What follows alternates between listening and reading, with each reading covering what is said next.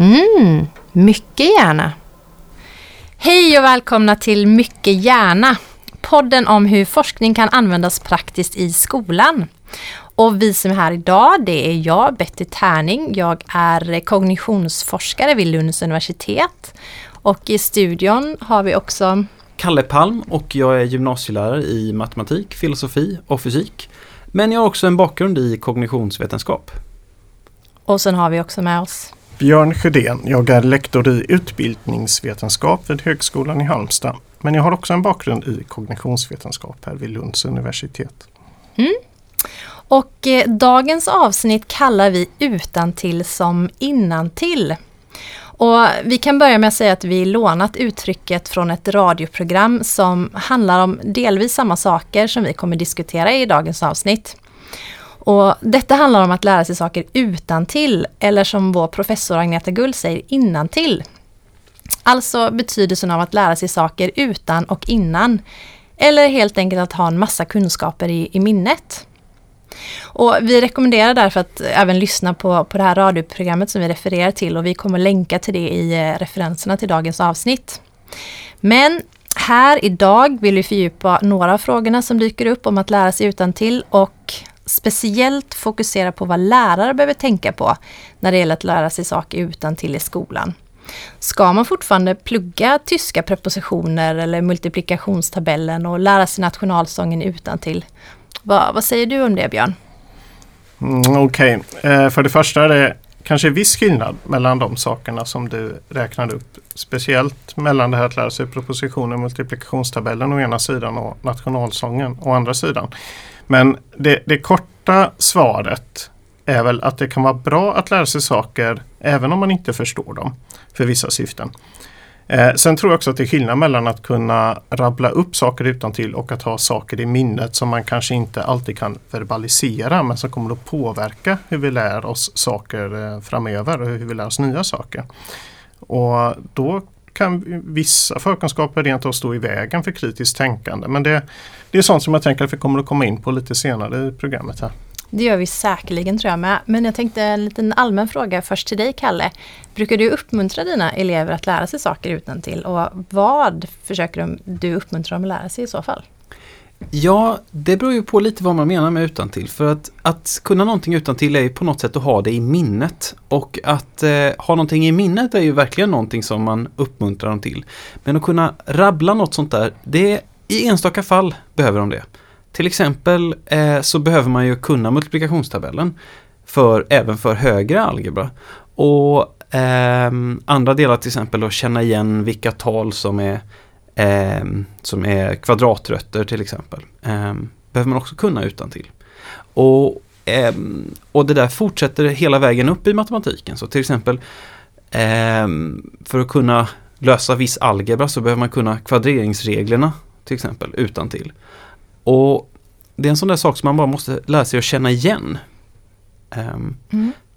Eh, skulle du säga att man måste förstå eh, de här reglerna, kvadreringsregeln heter det, eh, innan man då faktiskt lär sig den? Ja, inom matte så är det lite knepigt för det är snarare så att man när man väl har förstått det så kan man det så att säga utan till. Utan det är i processen att lära sig det utan till att använda det som man till slut förstår det. Så en typisk fråga jag får från elever är så här, men hur ska jag lösa den här uppgiften? Jag har inte förstått hur man gör. Nej, men du kanske kan en regel utan till så tillämpa den och så löser de uppgiften. Och när man gjort tillräckligt många sådana, då kommer förståelsen och så har man förstått vad det är man faktiskt gör för någonting.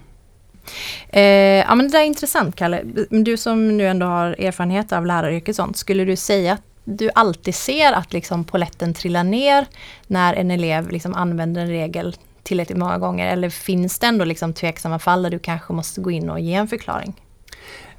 Ja, alltså en förklaring kan ju behövas parallellt, eh, men det är liksom en del i lärprocessen och sen eh, det är en knepig fråga där, har, eh, vad är tillräckligt? För om de inte har lärt sig det så ja. kanske de behöver göra det fler gånger. Men, men visst, visst är det en kombination av, av repetition och instruktion. Men bara instruktion räcker oftast inte. Utan eh, det är klart det finns undantag, men för de flesta så behöver man öva på det utan att förstå det. Ja, men är det inte jobbigt att lära sig en massa regler och fakta utan till? Vad skulle du säga Björn? Nej, det eh, tror jag är en vanlig missuppfattning. Det som är jobbigt är att ha en massa saker i huvudet samtidigt. I det som vi kallar arbetsminnet ibland. Alltså det som jag kan tänka på i, en, i ett visst ögonblick eller eh, saker som jag kan ha i huvudet på en gång. Och det brukar man väl säga att man kan hålla ett telefonnummer eller så i huvudet. Eh, ett visst antal eh, eh, enskilda fakta. Men det som vi kallar långtidsminnet, alltså den information som är lagrad i hjärnan så att säga som, som förkunskaper, sånt som vi har lärt oss tidigare. Eh, det är i princip obegränsat. Eh, så återigen, det är, inte, det är inte svårt att kunna mycket. Det är snarare så att det underlättar för oss att ha en massa kunskaper för det blir så väldigt mycket lättare att lära sig nya saker då. Till exempel matematik eller filosofi och sånt som eh, Kalle har nämnt. Ja, det där ser jag jättetydligt i, eh, i eh, matematiken att, att eh, de som kan en massa regler utan till de har mycket lättare för att lösa svåra problem. Inte för att de är smartare utan för att eh, alla de här småstegen som är en del av att lösa det här svåra problemet, de kan de utan till. Eh, Medan eh, någon som inte kan dem utan till måste tänka jättemycket för varje steg. Eh, och då eh, kan hela problemet i sig bli övermäktigt.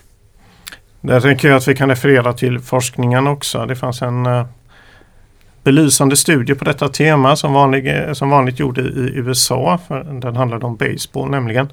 Men eh, poängen med den här studien det var att se eh, hur lätt man hade för att tillgodogöra sig en text som då handlade om baseball utifrån om man nu redan var en bra läsare så att säga. Om man hade en god läsfärdighet eller om man hade en sämre läsfärdighet.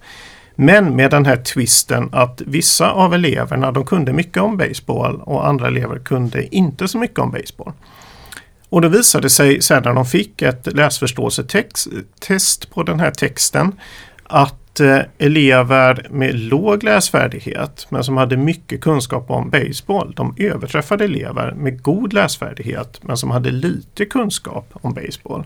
Så det visar verkligen på det här att förkunskaper kan ha en, en fullkomligt utslagsgivande effekt på min förståelse av ett nytt ämne. Och det där, jag läste också det exemplet, det är superintressant men jag minns också att de sa det att Eh, de som kunde mycket om baseball innan, att det också handlar om intresse av att, mm. liksom, att man tycker det är intressant med baseball och sådana saker. Men det fortgick också ett annat experiment där man inte hade liksom något intresse av ämnen innan. Ett, också en annan studie som gjorde i USA där man då lät eh, två olika grupper lära sig eh, mycket eller lite om ett ämne som var helt nya för dem. Jag tror att det var om Broadway-musikaler i det här fallet. Så att en grupp fick alltså lära sig mer om Broadway-musikaler än den andra gruppen. Och sen gick lite tid och sen så kom de tillbaka och så fick de lära sig nya fakta om Broadway-musikaler, men lika mycket den här gången. Och då den här gruppen som hade fått lära sig mer från början eh, lärde sig den här nya faktan mycket lättare och snabbare då än den andra gruppen. Så att ytterligare så stärker det att har man liksom mycket eh, baskunskap eller förförståelse så lär man sig mycket snabbare och lättare nya saker. Så det handlar inte heller bara om uppmärksamhet eller intresse av saker utan faktiskt att den själva kunskapen spelar jättestor roll. Och det är ju därför som det är så jättesvårt med skolans eh, kompensatoriska uppdrag, alltså att vi ska försöka mm. få de som inte är i kapp och komma i kapp samtidigt som man ska stimulera de som ligger långt fram. För att eh, de, som, de som ligger långt fram i ett ämne, de kan ju redan mer än de som kan mindre, liksom, definitionsmässigt. Och Det betyder också mm. att de kommer att lära sig mer. Så att, eh, det är ju en eh, jättestor utmaning varje dag. Ett konkret eh, budskap i detta vore väl kanske då att säkerställa att eh, alla elever i klassen åtminstone har tillräckliga baskunskaper för att kunna lära sig just det som man behöver lära sig inom eh, eh läroplanens mål och det specifika kunskapsmålet i, i ämnet. Jag skulle bara också vilja sammanfatta den här lilla diskussionen lite med att säga att, att visst vi sa att det inte är jobbigt att ha massa saker i huvudet men att själva den här processen att faktiskt lära sig någonting kan ju faktiskt vara ganska jobbig och det ska man inte sticka under stol med tänker jag för elever. Att det är ju jobbigt att lära sig saker men när man mm. väl kan det så kommer allt gå väldigt mycket smidigare tänker jag. Ja precis och det knyter ju an till ett av våra första avsnitt där vi pratade om studieteknik där vi sa just att, att ju jobbigare det är desto bättre för att, att lära sig något är jobbigt men att kunna någonting är inte jobbigt. Exakt. Men varför är det viktigt med utantillkunskap för vårt tänkande då? Vad skulle du säga Björn? Mm, man kan väl säga att eh, vi lär oss att inte behöva tänka på vissa saker, alltså sånt som vi redan har i huvudet för att kunna frigöra resurser att tänka på nya saker. Och Då kommer man in på sådana här eh, begrepp som chunking på engelska eller, eller gruppering på svenska. Eh, vilket betyder att eh, när vi har meningsfulla enheter för någonting, ny information som vi läser, låt oss säga ja, ett enkelt exempel vore väl om vi har en sifferserie med 1914, 1918. Det var en väldig massa siffror där, åtta stycken närmare bestämt. Men om jag har en eh, bild i huvudet av att eh, det här är första världskrigets början och slut 1914 till 1918. Då var det inte längre åtta saker att lära sig utan då var det bara en sak plötsligt. Eller möjligen två då, början och slutet av första världskriget. Eh, och det där funkar på alla nivåer. Det funkar med, med årtal och fakta och eh, historia, filosofi, matematik, allting. Eh, så Kort sagt att ju mer jag har i mitt långtidsminne desto lättare blir det för mig att plocka in ny information i mitt korttidsminne som är mycket mer begränsat. Okej, så när man lagrar saker i långtidsminnet så frigör det utrymme då i arbetsminnet och då får man också tillgång till eh, mer kapacitet till tänkande. Ja men precis, jag tänker på som i filosofiundervisningen så kanske man börjar ett nytt arbetsområde med att fråga Är det någonsin rätt att döda? Och så får man kanske inte dem, så får man lite resonemang men det är kanske inte så jättedjupt och nyanserat. Men när man sen då lär dem olika etiska teorier och sätt att resonera i etiska frågor som ju blir en sorts utantillkunskap för dem. Eh, och om man sen några veckor senare ställer frågan, är det någonsin rätt att döda? Ja, då har de så mycket bakgrundskunskap att de behöver inte tänka på de här mer elementära, elementära och omedelbara sakerna utan utan de kan ge mycket mer nyanserade och komplexa svar på den frågan. Mm. Det tycker jag är ett intressant exempel på det här att vi alltid kommer att se ny kunskap i ljuset av den kunskap som vi redan har. Eh, dels då att man så att säga slipper tänka på sånt som man har tänkt på innan. Eh, men också att man kommer att ta till sig frågorna utifrån den tolkningsram då, eller man ska säga den bakgrundskunskap man har. Eh, och Det gör att det är viktigt att inse att det är vad vi redan vet och inte vad vi inte vet som styr vad vi så att säga kan koda in som utantillkunskap i långtidsminnet. Eh, det tror jag är ganska viktigt budskap att, att ta med sig att vi liksom inte är som en, eh, en, en, en maskin som försöker fylla i luckor hela tiden utan snarare är väldigt selektiva i eh, vad vi uppmärksammar utifrån våra bakgrundskunskaper. Ja, alltså det där får mig att tänka på ett exempel när utantillkunskap kan komma i lite grann i vägen till och med.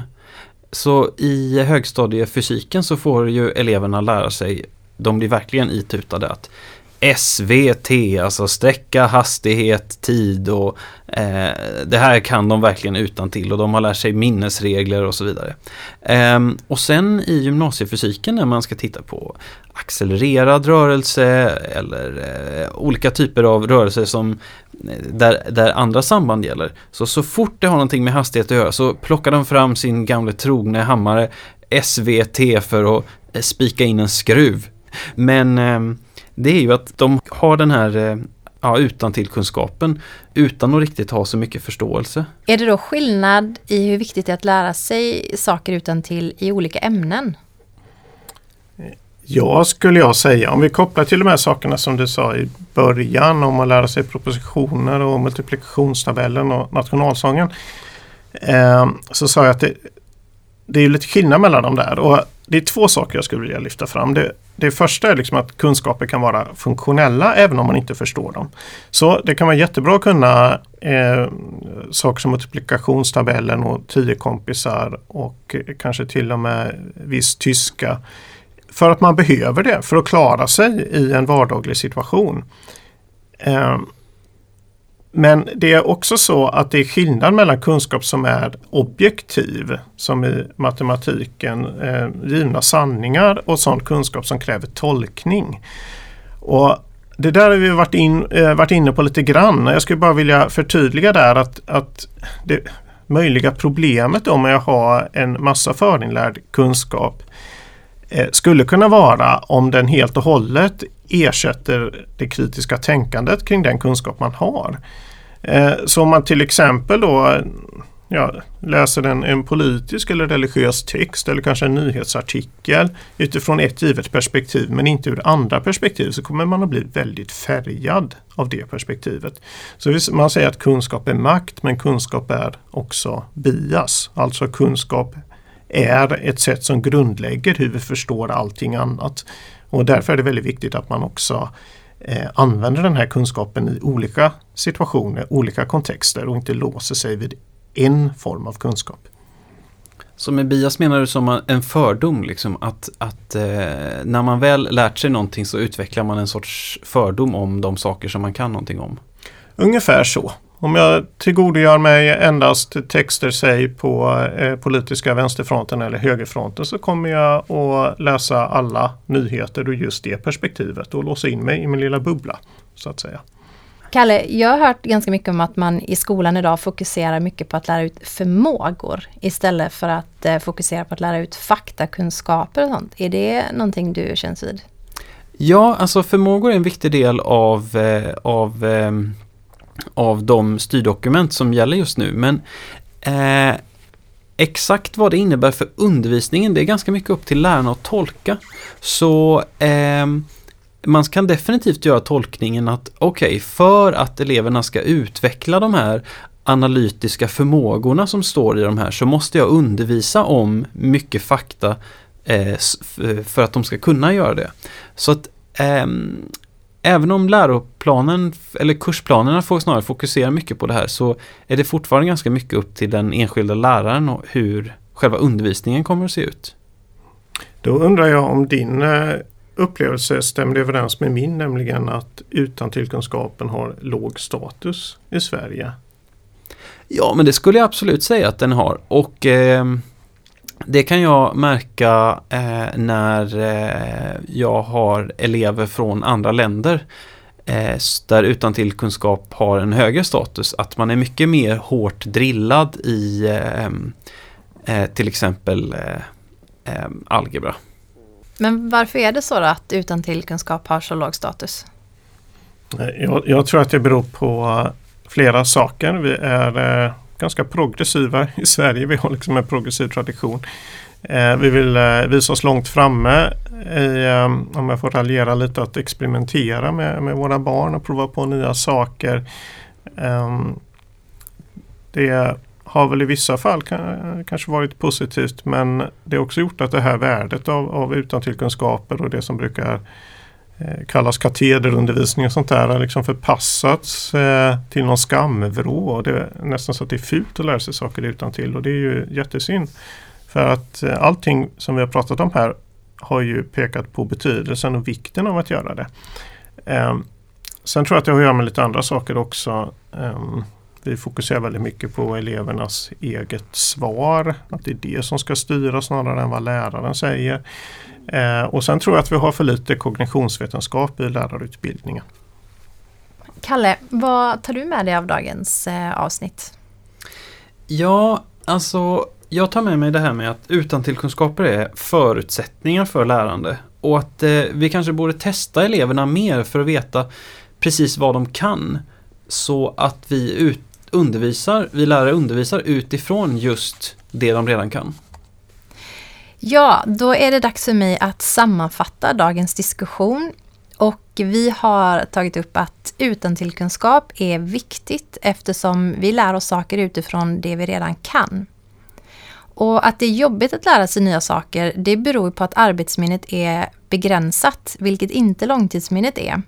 Och det här gör att det blir lättare och inte svårare att lära sig nya saker ju mer man redan kan.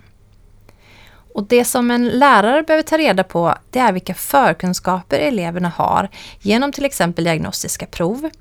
Och sen också se till att eleven får med sig de utantillkunskaper som behövs för att kunna komma vidare i ämnet. Vi vill också tacka Lunds universitets samverkansinitiativ Tillsammans över tröskeln till framtidens klassrum. Vi vill också tacka Humanistlaboratoriet för inspelningsmöjligheter och sist men inte minst vill vi också tacka vår producent Trond.